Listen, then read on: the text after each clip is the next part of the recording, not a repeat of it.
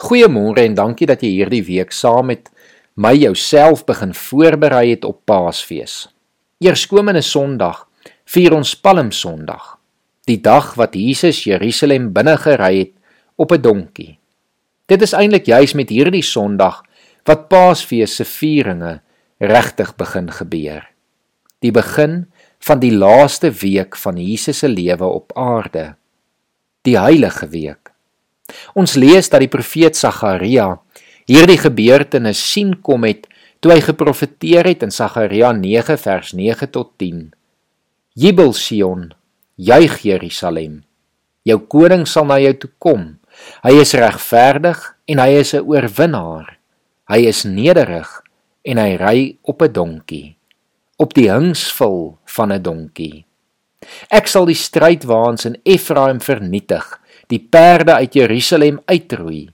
Die pyl en boog waarmee oorlog gemaak word, sal gebreek word.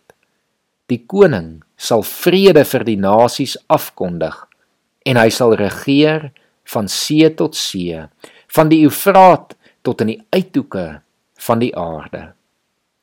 Ons koning het gekom. Hy het oorwin die dood, die Satan, boosheid Hy lewe, hy het opgestaan.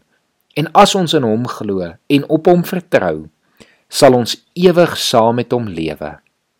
Geniet hierdie Paastyd en weet Jesus is die enigste Here, die Messias, die Christus, die gekruisigde, opgestane Heer en hy leef. Kom ons bid saam. Here, dankie dat ons hierdie week so bietjie kon gebruik om onsself voor te berei ook om weer Paasfees te kan vier.